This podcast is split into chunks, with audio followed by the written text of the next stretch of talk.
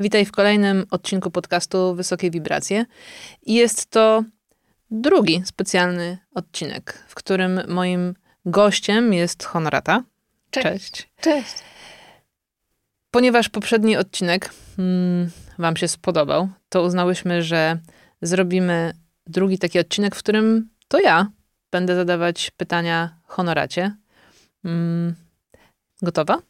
Trochę się stresuję, ale spoko. Dawaj.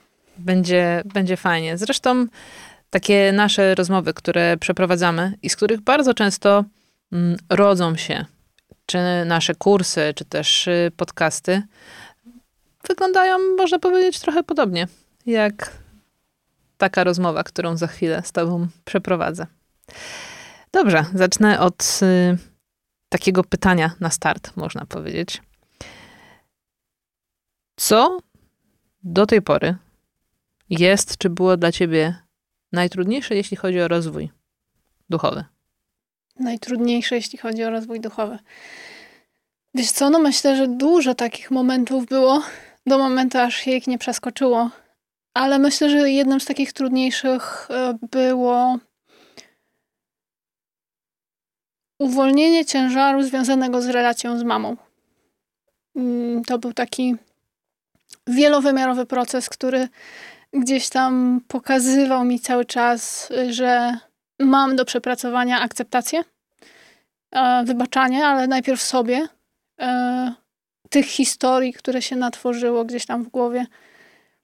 Ale kiedy sama sobie odpuściłam, czyli przestałam na siebie nakładać ten ciężar na zasadzie musisz wybaczyć, musisz akceptować, e, tylko pozwoliłam, żeby to płynęło, to nagle się to zaczęło samo układać, można powiedzieć. Tylko wiesz, to nigdy to nie jest tak, że samo. Mhm. Ale ostatnio na jednym z naszych Zoomów w źródle mówiłam o tym, że jak my się rozwijamy, to możemy być pewni, że ludzie w naszym polu, w naszym otoczeniu też się rozwijają, nawet jak tego nie widzimy, albo nawet jak nam się wydaje, że jest inaczej. I no rzeczywiście się to sprawdza. Nawet jak sobie popatrzyłam na różne inne relacje, to w większości tych relacji, w większości z tych osób, w, jakiej, w jakiejś sferze, w jakimś obszarze wiele rzeczy się poprawiło.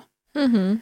Mm, Nie dlatego, że jakby wiesz, biorę za to mm, kredyt, tylko po prostu widzę, jak działa ta energia, jaką jest falą. Tak jak wiesz, rzucisz kamień na wodę i te fale powstają, to dokładnie tak to działa. A jak myślisz, y, co było kluczowe do tego, żeby ta relacja z mamą się w końcu uzdrowiła? Myślę, że wiele kwestii.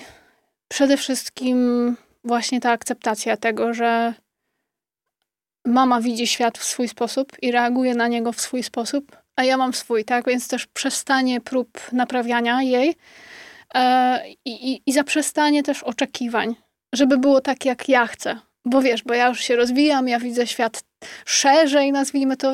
To wszystko było z ego i, i, i z, takiego, z takiej potrzeby właśnie naprawiania, ustawiania pod siebie. To był oczywiście długotrwały i wielowymiarowy proces, natomiast no, też mi pokazał, że zawsze wszystko jest tak, jak ma być. Ale też pozwolenie jej na wzięcie odpowiedzialności za swoją część. Mhm. Czyli nie tłumaczenie na siłę, czyli ta akceptacja, można powiedzieć, była taka, wiesz, na zdrowym poziomie. Że ja jej nie tłumaczyłam dla samej siebie, czy dla innych z, e, z poziomu też e, ego, ale po prostu wiedziałam, co jest moje. W pewnym momencie zaczęłam to zauważać, a też widziałam, co jest jej. Czy coś jeszcze?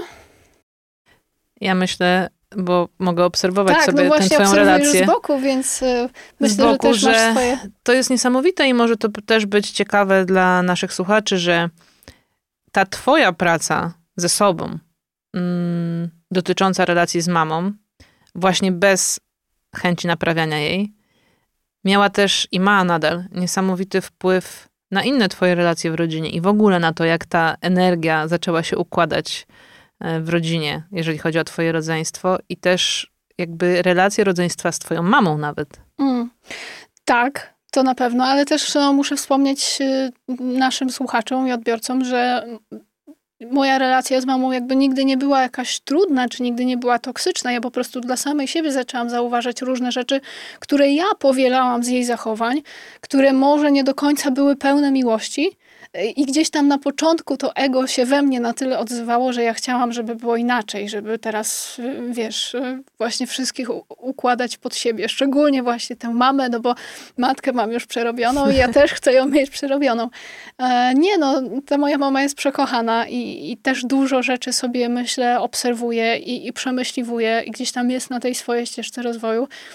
Więc e, no tutaj nie mówimy o jakichś toksycznych momentach, tak, czy toksycznej relacji. Jest to relacja po prostu normalna, y, tylko teraz jest głębsza. Teraz, mhm. kiedy widzę ją na różnych poziomach i siebie w tej relacji między córką a matką na wielu poziomach i widzę też to moje wewnętrzne dziecko, no to jest mi znacznie łatwiej z nią rozmawiać, po prostu zadawać różne inne pytania, nie już z poziomu dziecka, tej najmłodszej córki, nie? bo to też jest taki wątek, że jestem, najmł jestem najmłodszą córką, tylko już z poziomu dorosłej kobiety i takiego partnerstwa i też mówienia tych rzeczy, które chcę powiedzieć. Mhm. Bo to też było takim moim wyzwaniem, że bardzo długo nie mówiłam tego, co czułam, no bo dzieci i ryby głosu nie mają. Nie? Mhm. No dobrze, pozostaniemy w relacjach okay. międzyludzkich. Jak rozwój duchowy pomaga ci w, w relacjach międzyludzkich? Wow, no wielowymiarowo to też e, na pewno. Mm.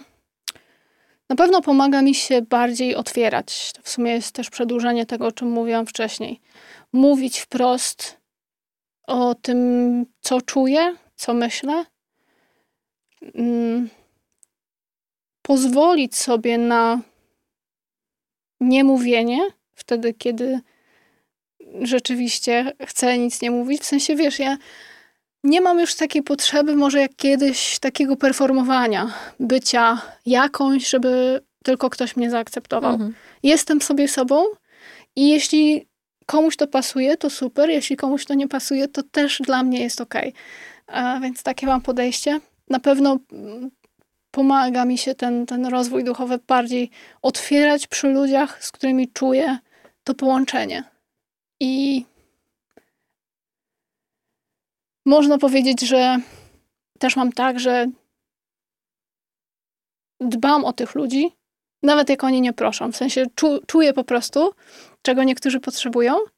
A wiesz, jest to takie połączenie ponad słowami, ponad pięcioma zmysłami. E, i zazwyczaj jest tak, że wstrzelam się z tym, co im oferuję i, i wi widać wtedy, jak też ci ludzie się, wiesz, otwierają, rozpuszczają, mhm. to też są fajne momenty.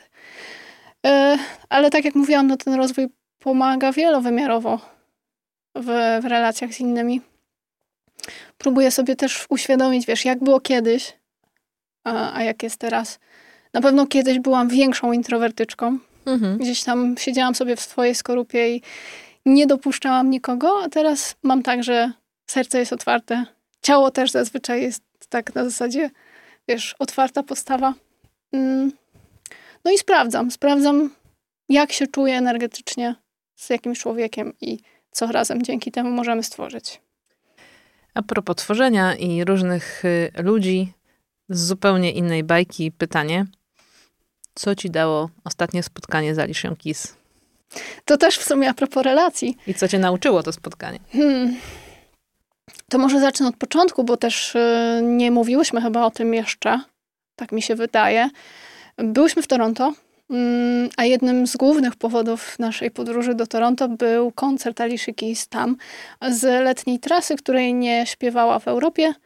No więc tak sobie spontanicznie wymyśliłyśmy, że sobie wyjedziemy. No i początkowo miałyśmy normalne bilety na koncert, tak po prostu, ale ponieważ sytuacja i zasoby pozwoliły, no to uzgodniłyśmy, że ja kupię jeden bilet VIP, żeby pójść też na spotkanie z Alicią Keys. E, a ty zostałaś z naszą znajomą, która też była z nami w tej podróży. I załatwiałaś inne tematy przy okazji i budowałaś inne relacje przy okazji. E, no więc poszłam na to spotkanie i spotkanie odbywało się tak, że była to grupa 20, może, może 30 osób. No i Alicia, która między nami tak sobie siedziała i odpowiadała na różne pytania. No i nie wszyscy, ale ten, kto chciał, mógł zadać jej jedno pytanie.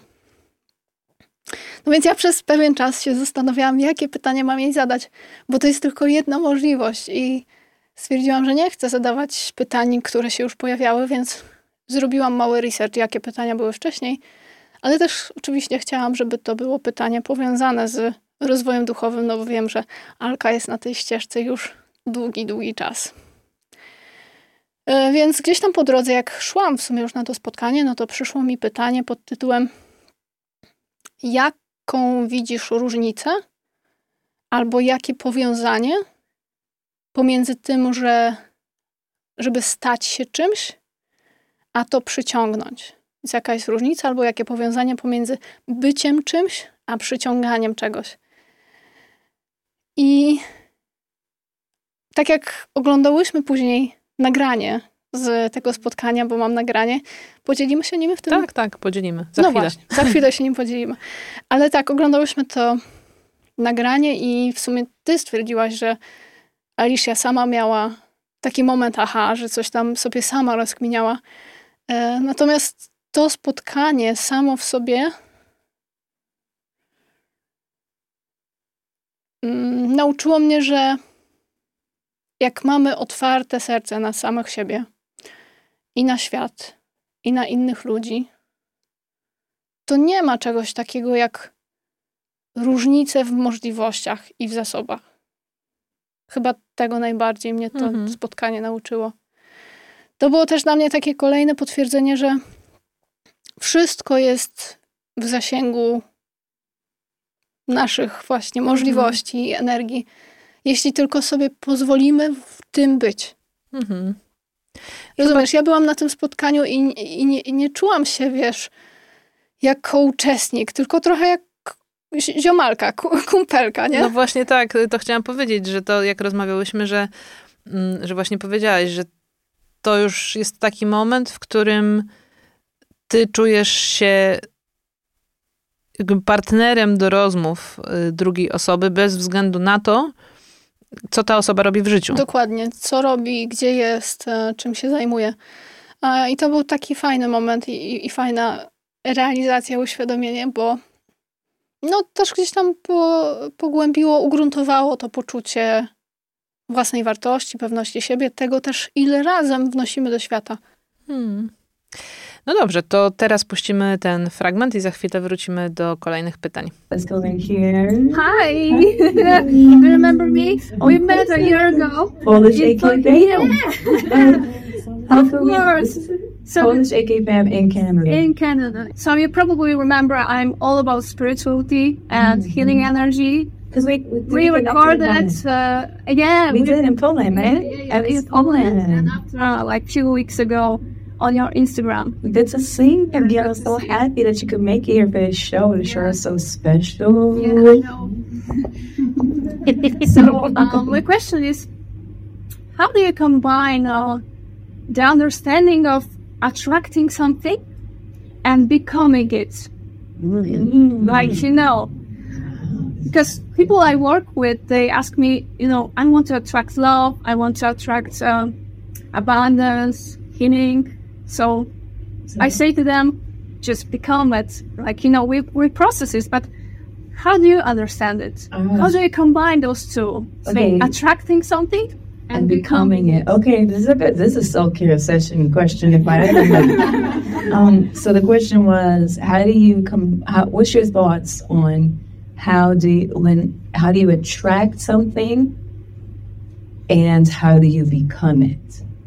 Um, so for me, when you want to attract something, I think I think you're right. I guess you do want to become it, you know? I guess you do want to become what you want to attract, which is not always easy because a lot of times if you want to attract it, you feel like you don't have it. Mm, so how do you become it when you feel like you don't have it?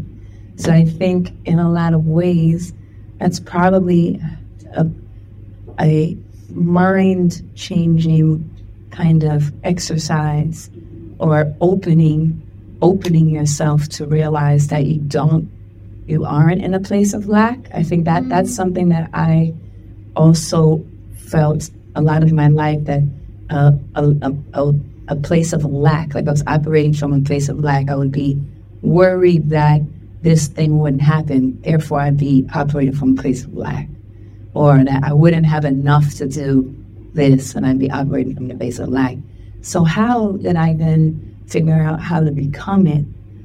Hmm, it's a good question. And, you know, mm, that's visualizing a, fir- a, a firm or probably watch the people who were already did it and I don't know, reflect on that. Yeah, no, I think I, I think I st- eventually I started to realize that you can actually attract the opposite of what you want because Yeah. you're scared Yeah, yeah, exactly. of not getting what you want. So then you actually attract what you don't want. And so I think that I started to realize that energy is that powerful mm-hmm. and that we actually do create our story, you know. And so if in our heads we're like, I'm not good enough, I'm not going to make it, I'm not going to get it, then that's exactly what's going to happen for sure, you know.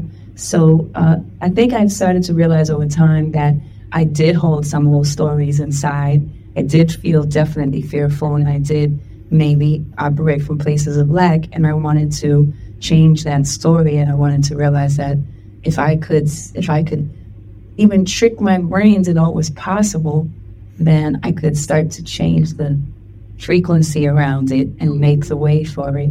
So that is that does bring us to the affirmations, I think, because those affirmations do help me to kind of we all have negative, you know, talk in our head. Can't help it, it just happens. And um, but when you replace it with something that is opposite from what's trying to take you to a negative place, it, it does combat it to a degree. I love this question. This is really beautiful. You know, attracting love, becoming love, attracting abundance, becoming abundant, seeing yourself as abundant, knowing that we are abundant. And to think about it, all the breath in our lungs is the most abundance we could ever ask for. You know, and and so and so I think there's so much um, so many ways to look at that, and I love that, and I love you answering those questions. Bless you. So, so good. To teraz takie pytanie y, dla przełamania trochę kolejnego. Jaką książkę obecnie czytasz? Jaką książkę czytam? Mhm. Czytam. E... To też w sumie wstrzeliłaś się z tym pytaniem, bo bardzo długo nie czytałam książek. Miałam tak, że potrzebowałam po długim czasie pochłaniania różnych pozycji, żeby się to wszystko osadziło i ugruntowało, ale właśnie po długim czasie sięgnęłam po kolejną książkę i to jest książka Marianne Williamson. Powrót do miłości. Mam nadzieję, że dobrze pamiętam. Powrót do miłości, zdaje się. Mhm. I co z niej wyciągasz? Do tej pory. Hmm. Marian to jest e, osoba, która dużą część swojego życia skupiła na tym, żeby tłumaczyć przekazy z kursu cudów. A kurs cudów to jest taka kolejna piękna księga, która uczy nas bardzo dużo na temat ego, na temat wybaczania i na temat miłości właśnie i tego, jak ta miłość i wybaczanie uzdrawia różne obszary naszego życia. E, więc no ona tam w tej książce akurat pisze głównie o relacjach, pisze o podejściu do pieniędzy i do tworzenia i pisze o relacji z ciałem. No i w sumie te trzy kluczowe rzeczy, tak? Czyli kiedy uczymy się wybaczać w relacjach, kiedy uczymy się wybaczać sobie, kiedy uczymy się wybaczać także tym ludziom, którzy są powiązani w jakiś sposób z naszymi finansami, ale kiedy też e, uczymy się miłości przy tym, no to wszystko jest dla nas możliwe i, i, wszystko możemy sobie stworzyć. To jest w sumie potwierdzeniem tego, o czym mówiłyśmy do tej pory. Wszystko jest ze sobą połączone. po Niewidzialną prostu. nicią wibracji. Jakby nie było, po coś ten tekst mamy w podcaście. E, powiedz, co do tej pory oczywiście było takim największym momentem przełom, przełomowym w twoim rozwoju, który pozwolił ci też na największy skok kwantowy i takie widoczne zmiany? Myślę, że tych skoków i takich przełamań to też było trochę. I jednym z nich w ogóle było wyjście z tożsamości dziewczyny z małej miejscowości, ze wsi wręcz, spod małego miasta Bydgoszcz. I odklejenie się od tego, że ja będę osobą, która będzie pracować całe życie dla kogoś. To był pierwszy taki skok, największy, w którym, wiesz, spakowałam walizki i pozwoliłam tobie wywieźć się do Warszawy. E, I założyłam firmę, nie wiedząc nic o przedsiębiorczości.